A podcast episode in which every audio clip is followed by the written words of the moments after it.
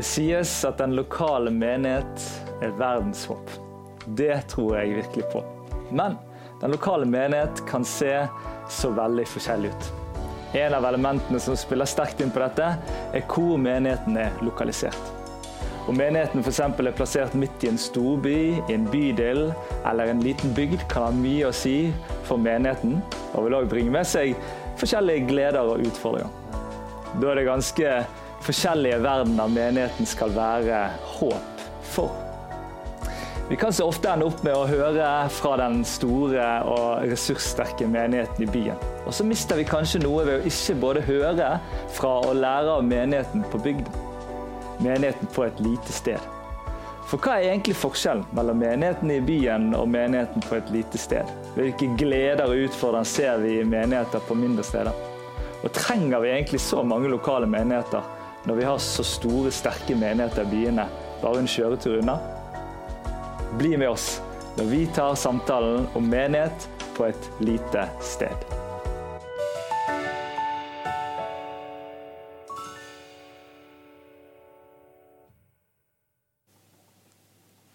Velkommen til samtalen med temaet 'menighet på et lite sted'. Her har jeg med meg Sara Dalsbø Hansen. Velkommen. Takk for det.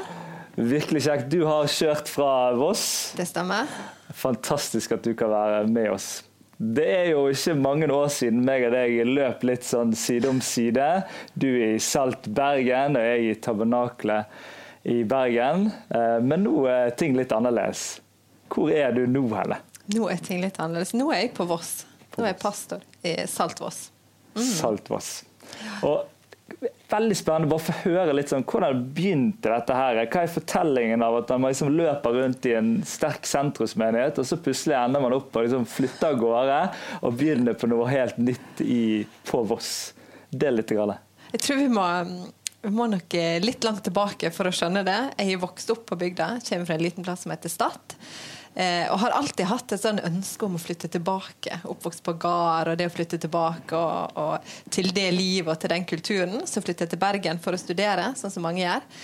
Eh, og var en del av Salt i Bergen der. Og så traff jeg etter hvert mannen min, som òg var fra bygda. Så når vi møttes etter hvert gifta så visste vi vel egentlig begge to at bylivet er for en kortere periode. Men, men, jeg hadde jo fått han med meg på tanken til å flytte tilbake til Stad, så det var den klare retninga. Eh, og så eh, dukka det opp eh, var det plutselig en menighet, en eldre menighet på Voss som, som, ba om hjelp. Og så fikk vi spørsmålet om vi kunne tenke oss å flytte til Voss mm. for å være med og restarte den menigheten. Så det er ingen av oss som hadde tenkt at vi skulle bli menighetsplantere eller pastorer. Eller Men det var akkurat det spørsmålet traff en nerve hos oss begge to. Så vi kjente, jeg tror vi brukte fem minutter på å lande at det er jo det vi skal gjøre.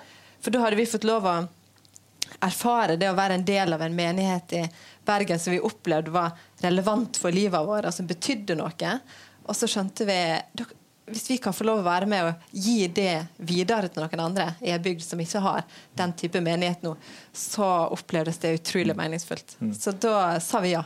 Ja, og så flytta vi i 2015. Var det litt sånn at liksom, eh, eh, storbylivet var det litt sånn slitsomt? da? Kjente man liksom på at man lengtet litt tilbake til stillheten på bygden? Eller hvordan var liksom den, eh, den personlige delen av deg? Altså, det, det er klart når en er vokst opp på bygda, så kjenner en jo til den kulturen. Ja. Så, så, vi kunne nok kjenne oss litt sånn fremmed i bykulturen av og til. Og litt sånn, Selv om jeg bare godt å si mm. om det er åtte år i byen. Mm. Men allikevel så ligger det jo litt sånn eh, Så når vi flytta til Voss, så var det jo opplevelsen om å komme, av å komme hjem til noe kjent. Sant? Ja. Som er litt mer sånn bygde, bygdelivet, på en mm. måte. Med naboen over hekken og tid til å gå på besøk. ja ja, så, så, det ligger jo òg en sånn personlig fortelling av at ja. jeg opplever nok personlig at det passer bedre inn mm. i en bygdekultur enn i en bykultur. Ja, Spennende. Mm. Og så er det en litt spesiell historie med det som var Sion Voss.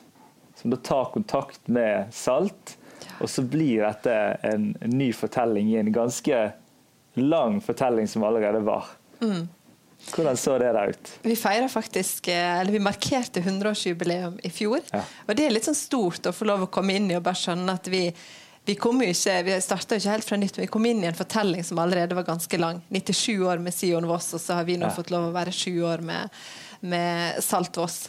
Men så Sion Voss ble etablert i 1923 og varte i ja, 97 år før vi kom. da. Mm. Og det er jo en, en, så lang fortelling rommer jo selvfølgelig ikke bare oppturer, men òg sine nedturer og vanskelige tider. Så de hadde opptur, storhetstid på 50-tallet med mange på søndagsskolen, og en storhetstid på 80-tallet igjen. Og så opplevde menigheten eh, vanskelige tider mm. på 90-tallet og 2000-tallet. Så i 2014, når de tok kontakt, så satt jeg en håndfull med eldre ja. mennesker igjen og tenkte at nå har vi to valg. Mm. Og Det ene er å legge ned, og det andre er å spørre om hjelp. Ja. Og så klarte de å enes om ja. det siste. Ja, det er veldig forbilledlig, den historien der. At noen som har vært med og båret noe lenge, kan si ok, kan dette tas videre? Mm. For det, det, er noe med disse flotte plasseringene og historiene som ligger ofte både med bygg og hjerte, som er så fint når det kan forlenges. Og så, Da var det litt sånn at dere eh, dro dere alene opp dit, eller fikk dere med dere en gjeng? eller Hvordan eh, ble den eh, reisen? Vi flytta i 2015 ja. Eh, og tenkte at vi flytta iallfall. Men så hadde vi veldig takknemlig for gode ledere i Bergen som sa til oss at dere må, dere må, bruke det første året på å samle et team, sånn at dere har kraft til å, å, å bygge noe nytt der oppe. Så vi brukte det første året på å å samle et team rundt oss. Og da fikk vi lov å spørre folk fra Salt i Bergen. Mm. Så jeg husker vi, vi laga ei liste over alle som gikk med Gore-Tex-jakke, og tenkte at det kan jo være potensielle vossinger eh, som liker eh, fjell og, og være ute og sånn. Så det gjorde vi faktisk. Og så hadde vi mange samtaler. Eh, og det var ingen av de vi spurte som hadde tenkt å ja, jo, vi har tenkt at vi skal bli med i det, eller har tenkt på Voss, eller sånn. men men eh, av de som vi spurte, så var det fem voksne som kjente at eh, når de fikk spørsmålet, så nappa det et eller annet. Tenkte det. Så kom de tilbake og sa at vi, vi er med. Så sa de i første omgang ja for tre år. Og så er jo fortellinga nå at, eh, at, de har fått eh, stifta familie og bygd hus ja. og, og landa et liv i bygda. Mm. Så nå er vi åtte voksne som sitter i forsamlingslederteamet der. Og til sammen med stort og smått så er vi 19. Så det er klart, biologisk vekst ja, er jo òg en del av en, en menighetsreise. Mm. Så artig det der å bruke litt disse interessene til folk. Sant? Og tenke at man kan spille litt på lag med, med litt sånn type mennesker. Da. Vi kan jo lett bli litt mm. sånn åndelige i, i, i, noen av disse menighetssfærene. At liksom alt skal bare være. Men her, her finnes det noe naturlig menneskelig som man kan dras mot noe av, eh, av det livet som er på, på bygden. Gøy. Hvordan ser eh, liksom, eh, Salt Voss ut nå, da? Er, er, det, er, det, noen igjen fra det som var, eller hvordan det liksom, ser dette ut i dag? Det vil si kanskje noe av det, det nydelige å ha fått lov å oppleve, det at det var en gjeng med eldre som ga rom og plass for nye som kom, men som òg fortsatt er en del av gudstjenestelivet ja. i dag. Eh, som, som, er på gudstjeneste og er aktive og er med og, og ber for det som skjer der. Og, så, så vi har en gjeng med eldre og de nærmer seg jo 80 og er, er, med i gjengen. Og så har vi jo alle generasjonene fra null. Ja. Altså Vi kan ikke si null til 100, men vi kan si iallfall null til 80. Ja, 82, kanskje. Ja, okay, eh, så det er en, det er en flergenerasjonskirke med mange barn og en del, ja, mange unge. og men det er òg noen fra andre nasjoner, så det er en veldig sånn sammensatt, mm. uh, spennende gjeng. Men det som er fint, er at det blir så, det blir så tydelig at det er Jesus som samler oss her. Ja. Så, så, det er en, eh, ja, en utrolig fin uh, gjeng som er der, og en opplevelse av at menigheten igjen har fått livskraft til å kunne være en menighet i den bygda. Da. Hva sier de som var med fra starten her, som satt denne håndfullen igjen nå? Da? Det, hvordan snakker de om det som er i dag? Altså, nå når, De første åra var nok litt krevende. Det er Mange endringer og lite resultat. Sant? Vi mm. endra musikken og alt som, som, skjedde, men det er klart nå når så ser de òg at eh, de er en del av bønnes, De får lov å oppleve bønnesvaret på de bønnene som de, som de, har bedt. Og det at vi fikk lov når vi flytta dit òg, og bruke nok tid med det til at vi fant hjertekontakt. Ja. i at vi, vi, vil jo det samme, det er jo den samme visjonen som, som går videre her. Så selv om det koster med alle endringene, så, så opplever jeg òg at jeg er en del av at Gud har mm. kommet med bønnesvar på de bønnene som har vært bedt i så mange år. Mm. Wow, det er så spennende å høre, Sara. Jeg tror denne hjertekontakten det der er noe sånn her, eh, nøkkel for at sånne gode historier kan få lov til å blomstre fram. Du, nå skal dere få en liten uh, reklame her og en sannhet fra Linda i Sanning samtalesenter før vi går videre. Vær så god.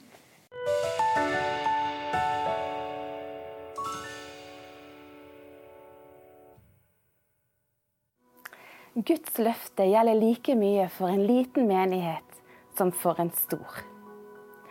Det kan være lett å bli motløs når man driver en liten menighet på et lite sted. Når det er små forhold, så kan det være fristende å spørre seg om det er viktig, det vi holder på med. Bibelen sier, for hvor to eller tre er samlet i mitt navn, der er jeg midt iblant dem. Det er fint med megakirker med flere tusen medlemmer. Men husk at Gud har sagt at to eller tre er nok. Jeg har sjøl vokst opp i en liten menighet på et lite sted. Og denne lille menigheten har betydd enormt for meg.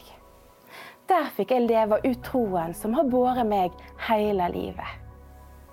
Så la oss bli oppmuntra av hva som står i Galaterne.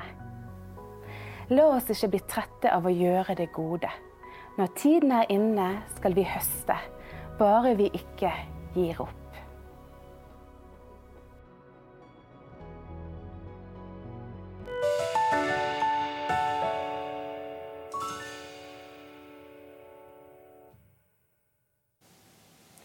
Velkommen tilbake. Nå har jeg fått lov til å fylle opp eh, rommet med eh, to Linner. Så det er helt nydelig. Hjertelig velkommen. Linn Sakariassen og Linn Myhr, som også kan være godt kjent for eh, flere av våre seere fra før av. Linn, du òg kommer med fortellingen med å dra fra, fra sentrum til bygden. Det er rett. Jeg ja. har vokst opp på bygden. Ja. Og har jo eh, Eh, som liten fått være med og vokse opp i en eh, bygdeforsamling, en liten lokal menighet, og har fått lov å ja, fra tidlig alder være med og bidra og tjene, og der det var behov, der stilte man opp. sånn som det ofte kan være i en mindre forsamling. Mm. Og så fikk jeg òg etter hvert når jeg vokste til, oppleve den fine synergien med at det var en, eh, en storforsamling å reise inn til i byen ungdomsårene dro vi ofte en gjeng inn og liksom fikk være med på det litt større, fikk treffe flere. Og så eh, ble det sånn etter hvert at jeg gikk bibelskole i byen. Og så ble jeg eh, litt over ti år i storfellesskapet i byen. Mm.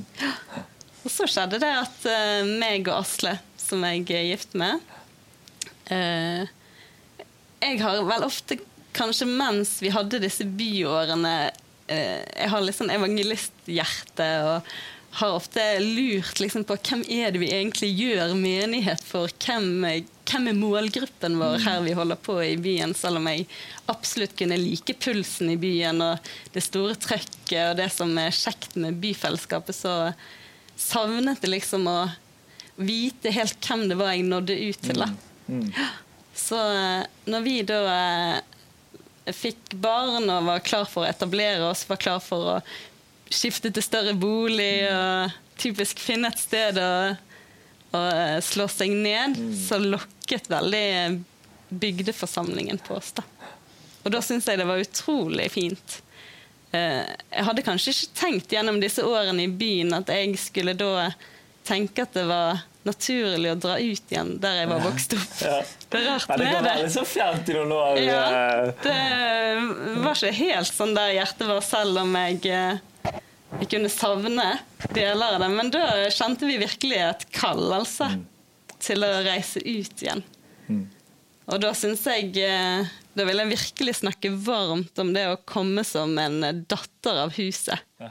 Og få lov å ja, slå røtter igjen og å være i de relasjonene med de som har eh, oppfostret meg på et vis og gitt meg rom og plass. Mm. For å gi tilbake. Ja, det har vært så stort. Nydelig. Veldig fint. Ja, så nydelig. Skal få høre mer videre. Men mm. så med deg, Linn. Du kommer med både fortellingen av eh, av å ha vært på bygden og drevet menighet og stått i det. Og så har dere nå nylig liksom fortellingen av å gå fra motsatt vei, fra bygden til O store Oslo sentrum. Hvordan går dette? Dette går fint. Ja. ja og det er, jeg har egentlig en veldig lik historie som det som Sara deler. Eh, I forhold til at eh, det var eh, en gruppe eldre mennesker i menigheten eh, der på det bedehuset i, på Espeland i Arna. Ja eh, som eh, kjente at nå klarte ikke de å drive noen ting der lenger, annet enn et ukentlig bønnemøte. Og så tok de kontakt med Misjonskirken, som var, dette var en fri evangeliske forsamling. Så gikk de til Misjonskirken og sa har dere noen som kan fortsette å overta arbeidet. Det er penger på bok, vi vil være med og støtte. Det var utrolig vakkert. Eh, og så satte vi i gang der. Og da var det min mann som ledet, han var pastor, og så var vi en gruppe på tolv venner. Mm. Eh, som satte i gang der, da. Dette var jo da i 2006. Um, eh, og så flyttet vi til Oslo for halvannet år siden. Ja. Og nå er det bymenighet. det er det. Ja, hva er, liksom, er det så stor forskjell mellom uh, bymenighet og, og bygdemenighet? Hva er, eller hva er liksom forskjellen, tenker dere? Jeg tenker kanskje at det er Noe av det som jeg kan kjenne, som jeg er veldig glad for, er at det, det, det nære familieaspektet ved en bygdemenighet, det tar jeg med meg, eller det tar vi med oss nå til Oslo Vinjard, som er der vi er nå. som er der det er, det er alltid mye større, det er mange, folk bor langt fra hverandre. Og det er veldig behov for å bringe inn den nærheten og varmen og familiefølelsen, på en måte. Og det har vært veldig eh, godt å kunne ta med noe av det vi har stått i, og så bruke det i en by, da. Ja, for det var det jeg kjente, og Du nevner litt og hvem er vi for? sant? Det er liksom mm. Eh, sentrumsmenigheten, eller liksom den, den det kan bli så bredt, da, og man vet ikke helt og, og liksom, hvem er det. og så eh, når jeg da kom til lokalmenighet, så, så, ble det en opplevelse at jeg vet jo akkurat hvem det er. og det kan sikkert være en utfordring med det etter hvert, men, men, det ble en sånn nærhet da, til at jeg liksom visste, visste hvem flokken eh, min var, på en måte. Eh, og, og, der må jeg kanskje kunne liksom holde litt mer sånn puls på det, og Nå er det lenge siden den har vært her. liksom. Det er sånn har, har, noen snakket med, har vi hørt fra, eller jeg savnet deg der? Den nærheten der, den, jeg tror jo det kanskje er løsningen for store menigheter òg. Det er derfor spennende dere som kommer inn med den ressursen inn i en større menighet for å, for å gjøre den store menigheten litt mindre for folk. da, eh, Og kunne stå sammen på den måten. Mm. Ja, det er veldig verdifullt, syns jeg. Ja. Mm. Ja, okay. mm. Noen andre forskjeller, liksom, som du merket? tenker En sånn eh, obvious ting er jo at den eh, demografien i menigheten eh, på bygda så har en jo sjelden studentene. Mm. Så det blir jo òg en sånn eh, en del av en generasjon, liksom en, en aldersgjeng som ikke er der. Som òg setter sitt preg på, på Når vi er på bygda, så er det stort sett småbarnsfamilier som kanskje er liksom hovedmengden. Og, og, det preger jo òg måten vi jobber sammen på, tida en har til å investere inn. Og, mm. Så der er jo noen sånne obvious greier. Ja.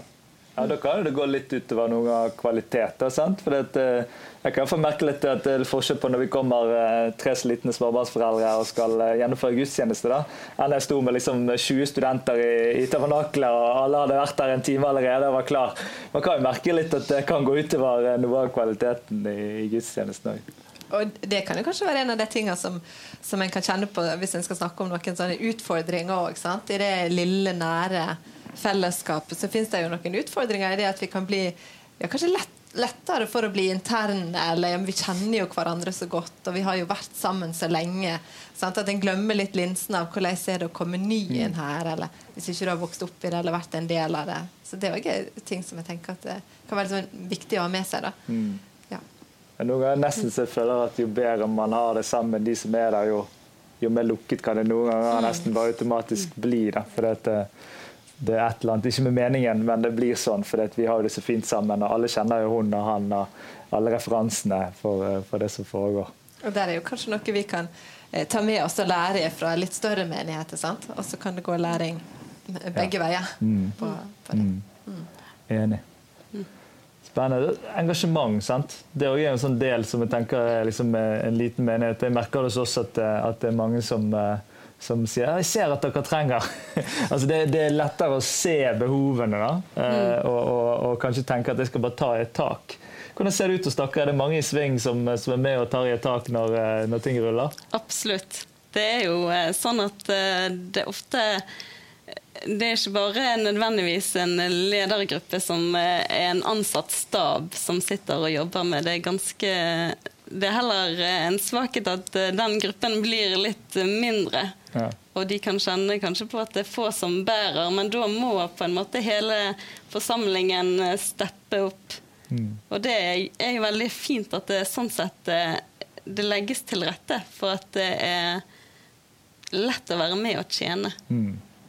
Det syns vi er veldig flott. Og da er det generasjonene side om side mm. som eh, er med og gir inn og løfter opp.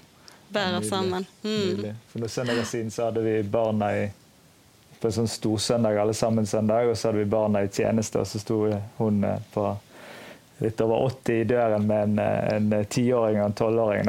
Og den nydelige greien av å komme til gudstjeneste, så står de der og ønsker velkommen, og så er det liksom noe med, med alle sammen sammen i, i tjeneste.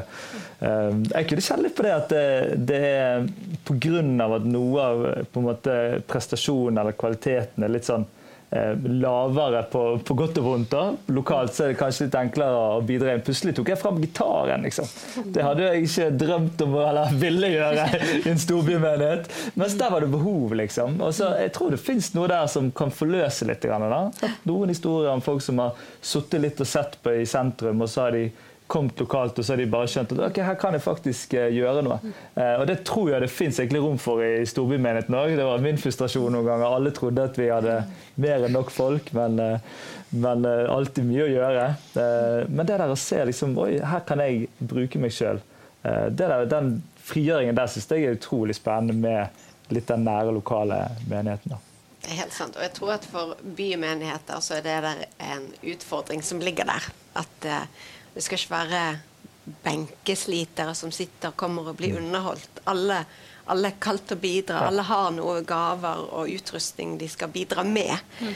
Uh, og det, det, tror jeg um, det skjer mer av seg sjøl i en liten, eller en forsamling på et lite sted. For man må bruke, man må bruke alle, på en måte. Um, mens i en bymenighet så er det så det er litt mer krevende. Det må være mye mer eh, intensjonelt at vi skal ha alle med. Alle skal bidra. Og, um, ja. Mm. Mm. Ja, bra. Tenk på sånn eh, i forhold til den der å være synlig i en bygd. Sant? I en by er det litt vanskelig å skille seg ut. Eh, for, for, menigheter ofte. Men på bygden så kan man eh, bli litt så synlig. Jeg vet dere litt sånn uh, gjør ting, og, og, hele bygden samler seg rundt der med om det er juletrefest eller mm. Fortell litt om hvordan det der ut, utpeker seg. Ja, Det der syns jeg er utrolig fint med å være en del av en bygd. For man går man, Når man velger å være en del av en bygdeforsamling, i hvert fall på et så lite sted som der vi holder til, Mollekleiv på Frekkhaug, ja. så blir det sånn at når man velger å være med i denne forsamlingen, så vet eh, de fleste i bygden hvem det er som da eh, er med i en forsamling. Ja, Så man det er liksom litt, åpent uh, Ja, man må på et vis litt sånn intensjonelt velge at der parkerer man på søndagen, og her står jeg og vinker til turgåerene på søndagen. Ja. Og, og, de vet stort sett om oss, da. Og så håper jeg at de òg føler seg invitert. For vi prøver å gjøre litt utadrettede arrangement. Prøver å være en del av eh, pulsen i bygden. Så f.eks. når det er eh, desember, så gjør vi sammen med ungdomslaget og bygdelagene i, i bygden en sånn julegrantenning og fakkeltog. og jeg har f.eks. hatt eh, ord for dagen den dagen, eh, som er som en andakt da, ute på plassen for hele bygden. Ja det blir sånn man, man må velge å stå rakrygget i det, da. Ja, man kan ikke gjemme seg. Nei, man kan ikke det. Og det syns jeg er veldig fint. For det er som at jeg sånn Jeg har jo mine barn i den lokale barnehagen, og det er de som er liksom, de som jeg kanskje inviterer inn. og Vi er liksom sammen om, mm. om livet på et eller annet vis. Mm. Jeg kan strekke en hånd ut mot de, men de strekker òg en hånd ut mot meg. og så mm kjenner vi hverandres barn, og vi vet om hverandres hverdag på et vis. Mm. Mm. Det, det, er jo sårbart, ja. sant? For det er så gjennomsiktig og transparent. Men eh, det er òg utrolig fint å på et vis velge å bare stå i mm. livet sammen. Og velge å, å være inviterende. Ja.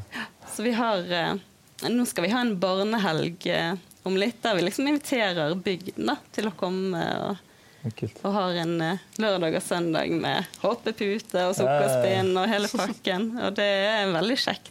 Så gøy. Jeg husker akkurat den fasen da vi, var, vi hadde flyttet ut lokalt og begynte å liksom engasjere oss litt lokalt mens vi, vi, ledet i sentrum. Og, og da husker jeg Vi hadde noen sånne eh, vanvittige flotte arrangementer inne i sentrum, sånne storsøndager. Og så prøvde vi å invitere med oss naboene. og liksom, Det blir skikkelig bra. Det er, liksom, det er fantastisk opplegg. liksom. Vi klarte liksom å kjøre inn til byen på en søndag. Det var litt sånn skepsis til den der eh, avstanden. Det er jo ikke så mye mer enn 20-25 minutter, men det er en bøyg der. da. Og så spurte, var vi med lokalt i Den norske kirke på en sånn hverdagsmiddag som var i ukedagen. Altså, helt fint opplegg, liksom. Men liksom, så bare spurte vi der, og da var de med med en gang. Og da fikk jeg en slags sånn her Oi, her fins det en eller annen bøyg, da. For, for, mennesker som ikke handler om at de er skeptiske til den menigheten i byen, eller et eller annet, men det bare er liksom Byen? Nei, vi skal ikke inn til byen nå, liksom. Så den der eh, nærheten lokalt, da når det liksom handler om å kjøre bort i gaten istedenfor å, å eh, dra langt av gårde. Det opplevde jeg veide tyngre enn det jeg trodde kanskje var viktigere. da, Kvaliteten eller hvor imponerende det var. da. Det har vært en sånn ting som var med i vår fortelling av å, av å enga, liksom, følge kallet. Jeg pleier å si at enten så var det, I starten så trodde jeg det bare var nostalgi. At jeg ville tilbake igjen. Så at litt eller tilbake til oppveksten og de tingene. Men så måtte jeg til slutt erkjenne at det var, var kall. Det er spennende, altså. Ja, og jeg tenker litt på når vi startet, når vi plantet menighet, så var det jo på en måte helt fra scratch, egentlig. Og da, eh, da måtte vi begynne enda nærere. Vi måtte begynne i nabolaget, i, i det nye borettslaget der vi bodde. Og invitere alle naboungene inn med foreldre. Så laget vi en søndagsskole hjemme i stuen, eh, sånn at eh, de nære naboene kunne bli kjent med oss. Eh, og det var utrolig fint. Og vi fylte, fylte stuen. Det var liksom, det het Popkornklubben, og vi hadde hotdog hver gang, og vi hadde popkorn. Og det huset så ikke ut etterpå. Men det var utrolig herlig. Og det var en, en lavere terskel naboene å komme inn til oss borti gaten enn inn på bedehuset, litt ned i veien, på en måte. Så vi måtte begynne helt i det nære for at folk skulle da seinere våge å komme mm. eh, til bedehuset. Så det var en sånn erfaring som vi gjorde helt i begynnelsen. Gøy. Tenker jo at, eh, eller det der med at eh, Når det er på mindre plass, er du mer synlig, så merker vi jo det at de, de, når kommunene er litt mindre, så er det lettere å samarbeide inn mot, uh, mot kommunen også, Og det å, kunne slå på tråden nesten sagt til, til, noen og spørre hva behov ser dere. Mm. Og så får vi lov å oppleve som forsamling at vi har jo faktisk kraft til å bety noe inn i det. sant? Nå hadde vi nettopp eh, det var behov for hjelp med noen av de ukrainske flyktningene. Så er det sånn Ja, men det kan vi faktisk ja. gjøre på søndag. Og det å oppleve at du kan være med og bety en forskjell, er jo en sånn tenker jeg, en gavepakke til menigheter på mindre plasser. Der det ikke er så lett kanskje i en storby med mange hundre tusen. da. Mm. Ja, Det der tror jeg er veldig viktig. Vi, vi er dessverre en del av Bergen kommune. i. Så, så de hjelper ikke å ringe, for å si det sånn. Men jeg har tenkt på det der å reise seg som enheter, som en samfunnsressurs. Hva man kan bety som forskjell i det lokale. For det, når omtale av og til kan bli litt negative rundt kristne, så kan man nesten føle seg som et samfunnsproblem. Eh, og det har Kirken aldri ment å være. Så det der kjenner jeg iallfall litt sånn eh, pumper hos meg. da, Hvordan kan vi være med og og faktisk også være med og se de behovene i, i, rundt oss. Og de kan jo faktisk òg eh, bli synlige i møte med lokalsamfunnet rundt oss. Ah, spennende. Vi skal fortsette denne gode praten og snakke litt om eh, Er det en konkurranse mellom den store menigheten og den lille menigheten på bygden, eller kan vi spille på lag sammen når vi kommer tilbake? Nå er del én av samtalen eh, ferdig, og du skal få en reklame før vi fortsetter i del to etterpå. Vær så god.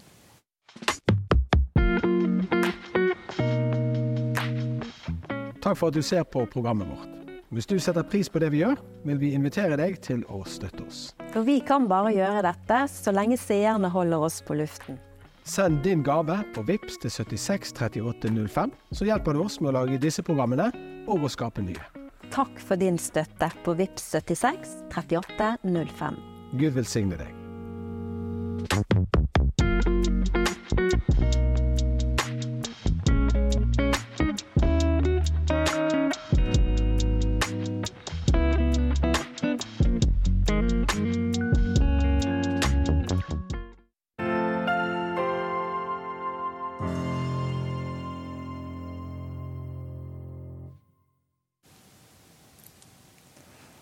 Velkommen tilbake. Eh, vi tenkte å fortsette denne spennende praten om eh, menighet på et lite sted. Og ofte så står man i en eller annen form for samarbeid eller i en form for relasjon til sentrumsmenighetene rundt seg. Jeg sjøl vokste opp i liten menighet, og så hadde vi studietiden der, og så måtte komme man tilbake igjen. Og så kan det jo da og ligge noen sånne eh, enten litt sånn der Er det liksom eh, vi, vi, mistet de, og dere fikk de, eller men, men, klarer vi å se liksom et sånn større, nydelig bilde her av, av liksom den store menigheten? Noen erfaringer på det? Tanker?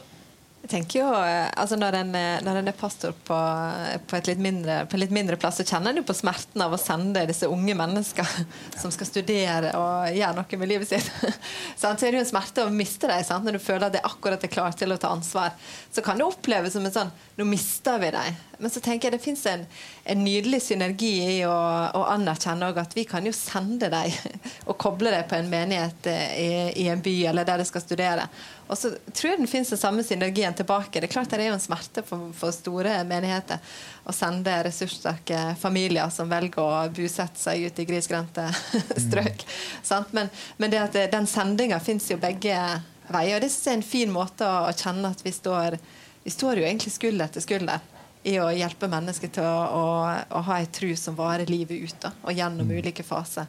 Og Du fortalte jo nydelig om, om, om, det å være oppvokst på bygda og så reise inn i ei ungdomstid, og så betyr det noe å få delta der. Og så, mm. ja.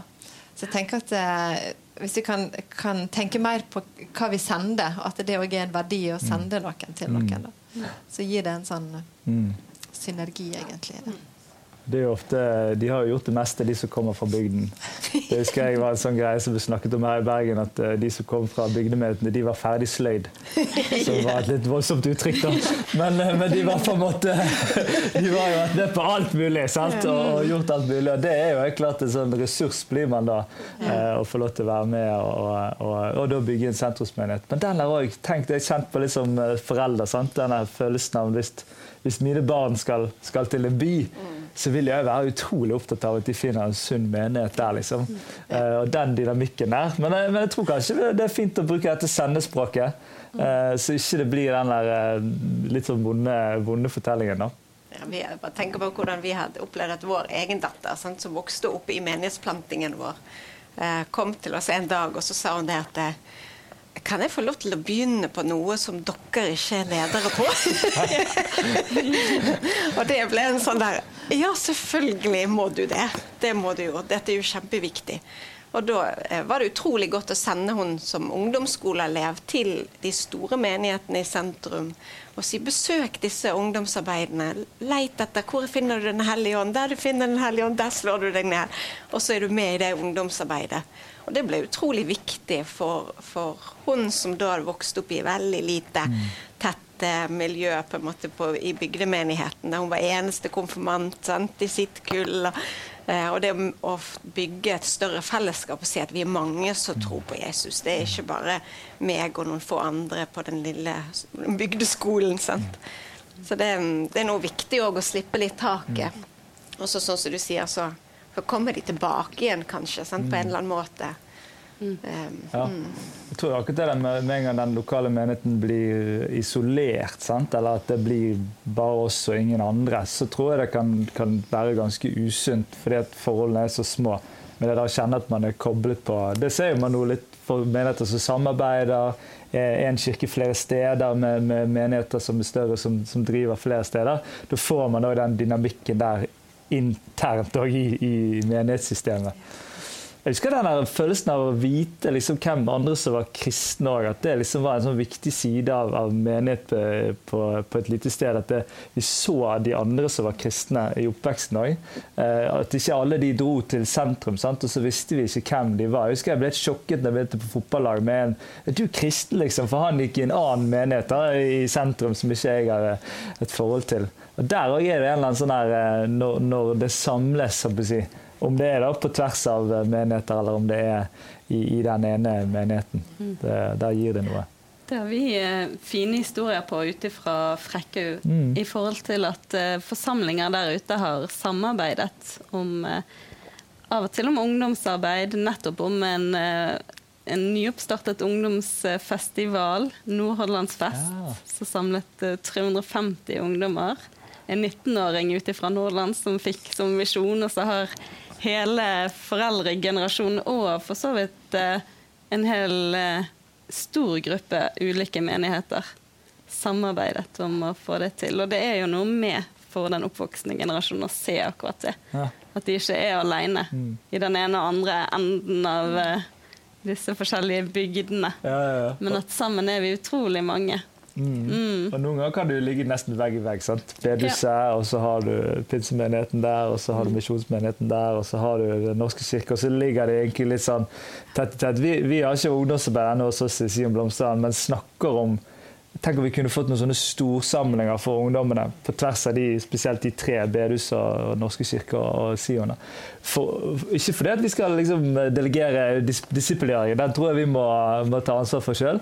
Men det der å gi den storsamlingen for ungdommer Det er gøy å høre om en sånn type tiltak. Da, da gikk jo gjetord om tentrokullene i Nordhordland, for de var så vanvittig svære. Mm. Men det var jo det fordi menighetene gikk sammen og gjorde sånn som mm. konfirmantundervisningen sammen. Hva, sånn samarbeid der, er det, hvordan er det på bygden? Klarer man å gjøre ting sammen eh, og se ting sammen, eller blir vi liksom hver vår eh, sammenhenger? Nå er et godt eksempel herfra. Er noen flere historier på det?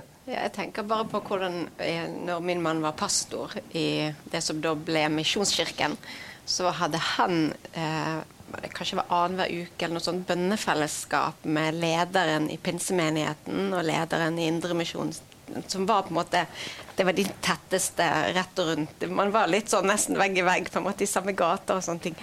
Um, og de møttes til bønn uh, for å be for hverandre. Og jeg tror at det ble Det var bare de tre, på en måte, men jeg tror det var veldig viktig for å heie på hverandre. Uh, og egentlig fordi at man opplever de samme utfordringene.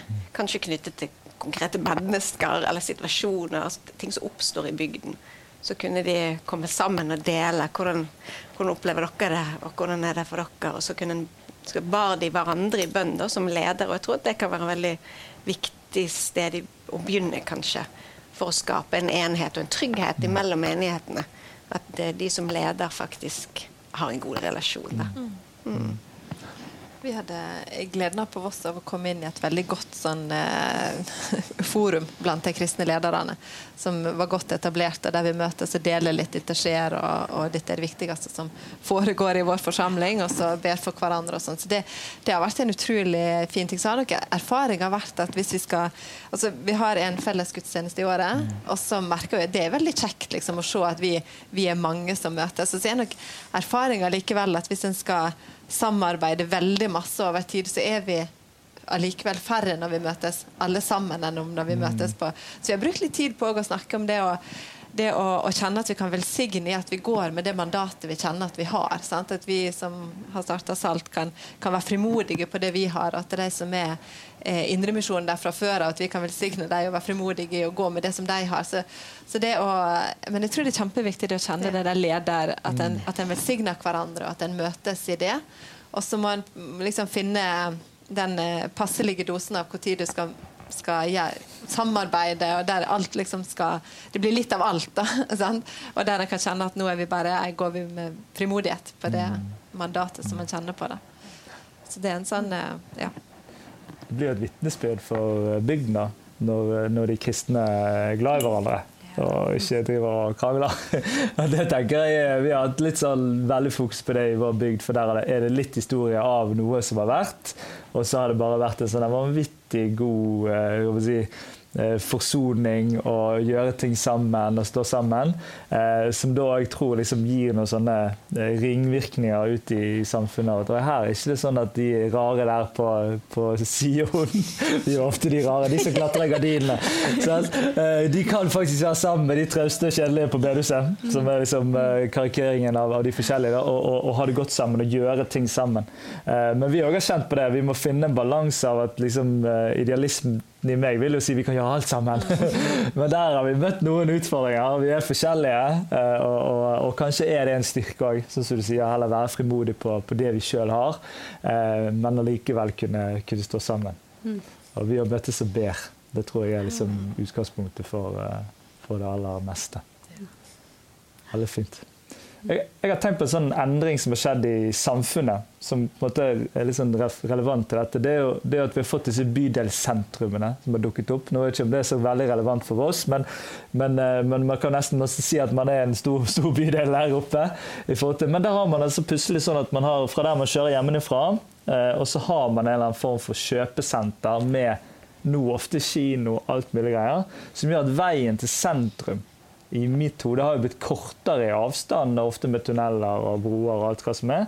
Men så har den plutselig blitt litt lengre igjen fordi at man ikke forholder seg til sentrum lenger. Og Min erfaring litt som sentrumspastor var jo at vi så at når folk flyttet til bydelene, forbi disse sentrumene, så ble det, ble det litt sjeldnere rytmen av å komme inn til, til gudstjenesten. Og Der har jeg tenkt litt på denne sendetanken. Hvordan kunne vi sammen som menighet har snakket dette fram, sånn at det ble enklere for, menighet, eh, nei, for familier som etablerer seg lokalt, å finne eh, menighet lokalt hvis de uansett ikke kommer til å fortsette. Vet ikke, har dere tenkt noe i denne rytmen? Du er sentrumsmenighet, da må du miste noen kanskje, da, som, som flytter litt ut. Og, hvordan kjenner vi på dette? liksom? Nei, jeg tenker at dette, ligger, dette er egentlig veldig høyaktuelt for vår del i forhold til eh, at Eh, altså sånn Historien til, til Vinjard, eller Oslo Vinjard, har vært sånn at det var mange unge. Mange studenter, unge voksne, sant, i en stor menighet.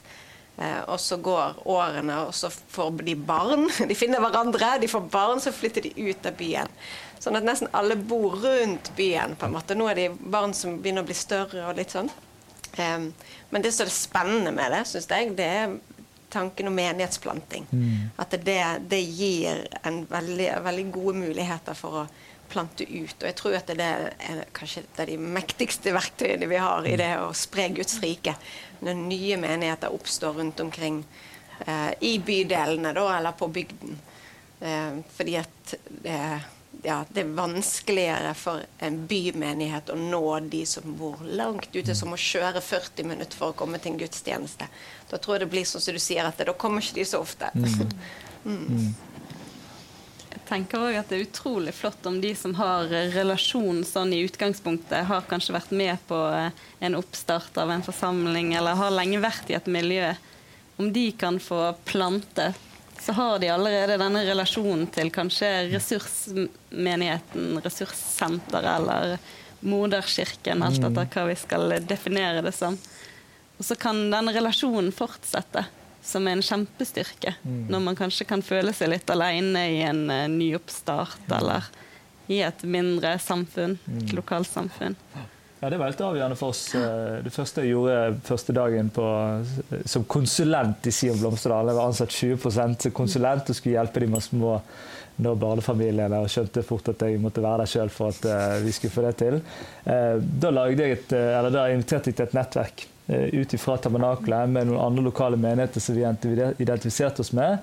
Og så ble vi enige om å møtes og, og stå sammen. Og da holdt vi på en måte linken. For det er jo helt klart å gå fra stab med ti stykker og god stemning på stabsmøtet til å sitte der. da, liksom, Jeg satt der med min far, da. ja, så, så, er det jo godt å kjenne på den uh, fellesskapet med andre. Og ikke minst da, dette, noen av disse tingene som ressursmenigheten kan være med å gi, som, som man ikke får mulighet til alene som, som, som lokal menighet. Det er bra. Jeg tror vi har en kjempemulighet i det å tenke og plante menigheter i bydeler der det er vekst. Det er noe med, Kanskje noe av det sterkeste vi har som altså vitnesbyrd, det er jo livet vårt. Sant? Og det at vi er, har landa i et lokalsamfunn, gjør jo òg noe med kontaktflaten. Og, og at en som ressurskirke òg kan se vinden av at når du planter, så blir vi jo totalt sett sterkere eller flere. Og jeg tror vi har masse eh, å hente mm. på det. Og tenke at vi nå sender vi folk ut og planter der til å nå en lokalbefolkning. da. Ja, så tenker jeg med hånd i hånd-plantingen og så den der etablerte forsamlingen som kunne få et nytt liv. Da. Jeg syns det har vært så gøy å se de siste disse parallellfortellingene litt. da. At ok, her er det ingenting, eller den, hvis det er en menighet som ikke vil noe, så er det greit, men da kjører vi på med noe nytt. Og da ofte ser man at begge blomstrer. Det har vært en sånn fascinerende side. Eller denne her fortellingen av at vi, vi ønsker å se en ny tid. Vi åpner litt opp. Vi, vi slipper litt taket eh, og, og, gir plass til en ny generasjon. Eh, og da slipper man noen av disse her veldig krevende rundene med, med leie av bygg og alle disse tingene. som er en sånn veldig naturlig velsignelse. Da. Jeg kan kjenne litt på det, at eh, vi har sluppet det i vår runde i Sion og få lov til å, komme til eh, en ferdigrigget sal og et anlegg som står der. Når jeg vet hva det der koster. Da. Men jeg tenker at disse to fortellingene parallelt er bare helt nydelig å se. Da. For jeg tror jo at når det nå etablerer seg så mye eh, steder der mange bor, så vil vi trenge dette mer og mer. Og så vil sentrumsmenigheten ikke miste sin plass allikevel. Kanskje er dette synergier som kan få lov til å, å blomstre. Altså, jeg har lyst til å gi den eller det å tenke en ressursmenighet og bare snakke opp hvor masse det betyr for opplevelsen av å være pastor eller leder på en plass og kjenne at du har et kollegial å støtte deg på. Og, altså, det, det, er en det er en utrolig fin jobb å ha. Altså Snakke opp det der eh, pastoryrket, det å kunne plante ut fra en ressurskirke. Kjenne at du ikke står alene, at du har kollegaer du kan dele ting med, både gleder og sorger. Og det er en utrolig styrke. altså. Så eh, bare slå et slag for det. Jeg tror det er, vi har masse å hente på det òg. Ja. Og tenker jeg på de eh, sånn som både, både du og vi opplever det med Eh, de eldre som har stått i en lang tjeneste i mange år i en bygd og i et bygg. Eh, som da våger å slippe det taket sant? og invitere ungene inn, som på en måte maler alle veggene, skifter ut alle stolene, blir kvitt den store talestolen og setter opp alle eh, trommer og alt sånt. Og det, Vi opplevde utrolig mye nåde og godhet fra de eldre som bare har stått med og heiet og bedt. Det er ingen selvfølge, syns jeg. Det der syns jeg er fantastisk. Når man liksom får møte noen som er villig til å si at jeg, jeg kan være en mor i dette huset og en far. Og jeg kan gå sammen med deg òg. Noen som har gått mange av disse rundene som man møter på sjøl. Og som kan være med både backe og heie på alle mulige måter. Og jeg, det var sånn, når vi kom ut til en etablert forsamling, da, så var det bare sånn praktisk ting som jeg ble så rørt av at de bare snudde seg rundt og bygget en sånn barnebenk bakerst i lokalet på 1, 2, 3. Det, var sånn, det traff hjertet sånn. En sånn praktisk, enkel mm. handling som tok noen, noen, timer å gjøre. Men det var liksom for meg en sånn statement på at uh, her er vi villige til å bygge for alle generasjoner. Og det Å velge sine kamper på den reisen der, mm. tror jeg man har veldig mye å vinne på. Ja. Mm. Og at den generasjonen som er, ikke ser seg sjøl som parkert, mm. men at de får lov til å kanskje noen ganger innta en ny rolle. Og det var mast om det hele tiden når vi kom til Sion. Ingen må gi seg nå, liksom. For det var noen som kanskje kunne kjenne på at ok, nå har vi gjort vår eh, Så nei, nei, nei, nå skal vi, nå skal vi stå sammen mm. og, og, bære sammen. Og da ser man eh, håper jeg, menigheten får lov til å blomstre eh, på forskjellige måter, og det er helt nydelig. Dette har vært så spennende. Tusen takk for, eh, for eh, det dere deler fra livet og fortellingen deres. Det er så inspirerende. Jeg håper det er inspirert, og nå skal du òg få en andakt som du kan få lov til å bli inspirert av, av Thomas Dalsbø. Vær så god.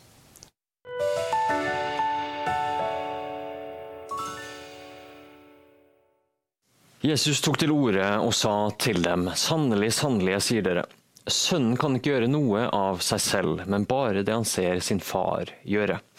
Det far gjør, det gjør også sønnen. Johannes 5, 19.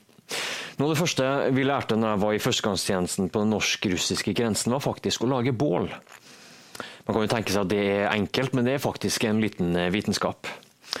Og ganske viktig hvis man trenger å lage mat, få i seg varmen med, og, og, kanskje med begrensa verktøy og ressurser. Og Vi lærte raskt at vi måtte konsentrere oss når vi så at det var antydninger til fyr. For det var det kritiske punktet. Når det bare var en liten flamme, eller kanskje bare til og med noen få glør. Da måtte man rette all sin oppmerksomhet dit. Man måtte virkelig ta vare på flammen. Ikke for mye luft, ikke for lite. Ikke for mye ved, ikke for lite. Legge til rette for optimale forhold for flammen, slik at den fikk ta tak og spre seg. Når vi står i tjeneste for Gud, som vi alle gjør, enten det skjer i klassiske kristne arenaer som kirkeliv og organisasjonsliv, eller det bare eller skjer som, som, frimodig kristen på jobben eller i nabolaget, så kan vi av og til stå i fare for å starte med vårt bilde av ting. Vi kan ha mange forestillinger av at bålet eller tjenesten da skal bli så og så stort, det skal bygges sånn og sånn, og vi går på med pågangsmot og iver. Men så tar det kanskje ikke helt fyr. Kanskje kommer det en tydelig flamme først, men så dør den ut. Eller blir ikke fyr i det hele tatt. Og vi kan bli frista til å gi opp. Men hva gjør vi da? For det første så tror jeg det kan hjelpe oss å minne oss sjøl på at utgangspunktet for all tjeneste er Gud og ikke oss sjøl. Det er ikke vi som får en god idé, et godt prosjekt, og så får vi Gud med. Nei, det er den store historien er at det er vi som blir invitert med på Guds prosjekt. Om vi bor i byen eller på landet, om vi føler oss bra eller dårlig, om vi er omgitt av masse flotte mennesker, eller om vi står helt alene. Om vi ser masse gode frukter rundt oss, eller om ting oppleves helt dødt, så kan vi stole på at Gud holder på med noe. Han har ikke lagt inn årene. Han holder på med noe i verden, i landet, i nabolaget, i kollegaen din, i familien din. Ja, til og med i mitt og ditt liv. Derfor blir det første spørsmålet ikke hva kan jeg gjøre for deg, Gud, men hva holder du på med, Gud? Slik vi så, eller vi hørte Jesus gjorde, hvordan kan jeg henge meg på det du gjør, far? Hvordan kan din agenda bli min agenda? Og Med det som utgangspunkt så blir da det neste steget å gå på leit. Med lykt og lupe. Ikke etter menneskelige suksesskriterier som hvor mange vi samler, eller hvor mye penger som kommer inn, eller hvor mange likes vi får, men på leting etter hvor kan jeg finne spor av Guds hånd i mitt liv og i mine omstendigheter. Kanskje er det en kollega som har blitt mer interessert i å snakke om tro. Kanskje er det et bønnesvar du fikk, kanskje er det en historie du hørte som ikke slipper deg. Kanskje det er et bibelvers som stadig kommer tilbake. Kanskje det er et samtaleemne som stadig kommer opp. Eller er det en svak, men økende lengsel i ditt liv om å finne tilbake til noe du pleide å gjøre før? Og når du finner en liten flamme, spor etter at Gud er på ferde, og det kan være knøttlite, ja, til og med bare noen forsiktige glør, da retter du din oppmerksomhet dit. Og gjør det du kan for å pleie og legge til rette for den flammen. Profeten Elia er faktisk et forbilde i akkurat det her. Han gikk opp på fjellet for å be om regn. Samtidig som han gikk for å be, så sendte han tjeneren sin opp på fjellet for å se etter tegn på akkurat det her regnet. Seks ganger gikk tjeneren opp og kom ned igjen og sa til Elia at han så ikke en, noen verdens ting. Men den sjuende gangen så står det at det steg opp en liten sky, ikke større enn en menneskehånd. Men det var alt Elia trengte, og han låste fokuset sitt på den lille skyen tegn på Guds hånd, sendt av Gud. Noe som snart skulle bli til et styrtregn. Gud velsigne.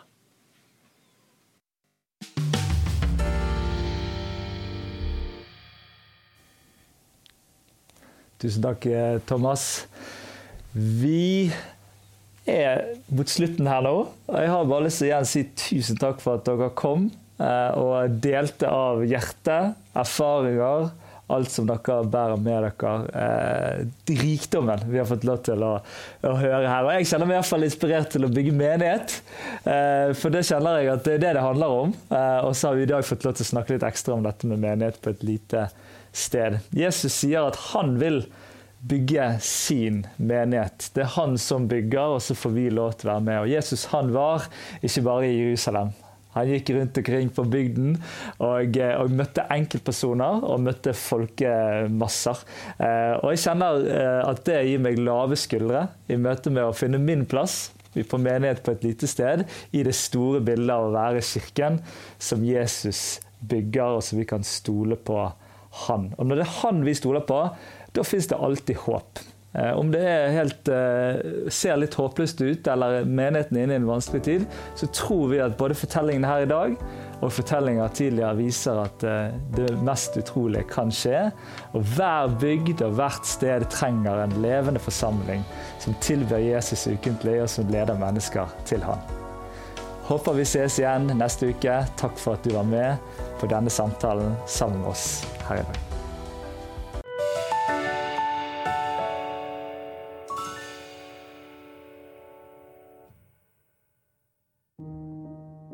Noen ganger så handler temaene i samtalen om ting som kommer nært inn på livet og berører deg og ditt liv.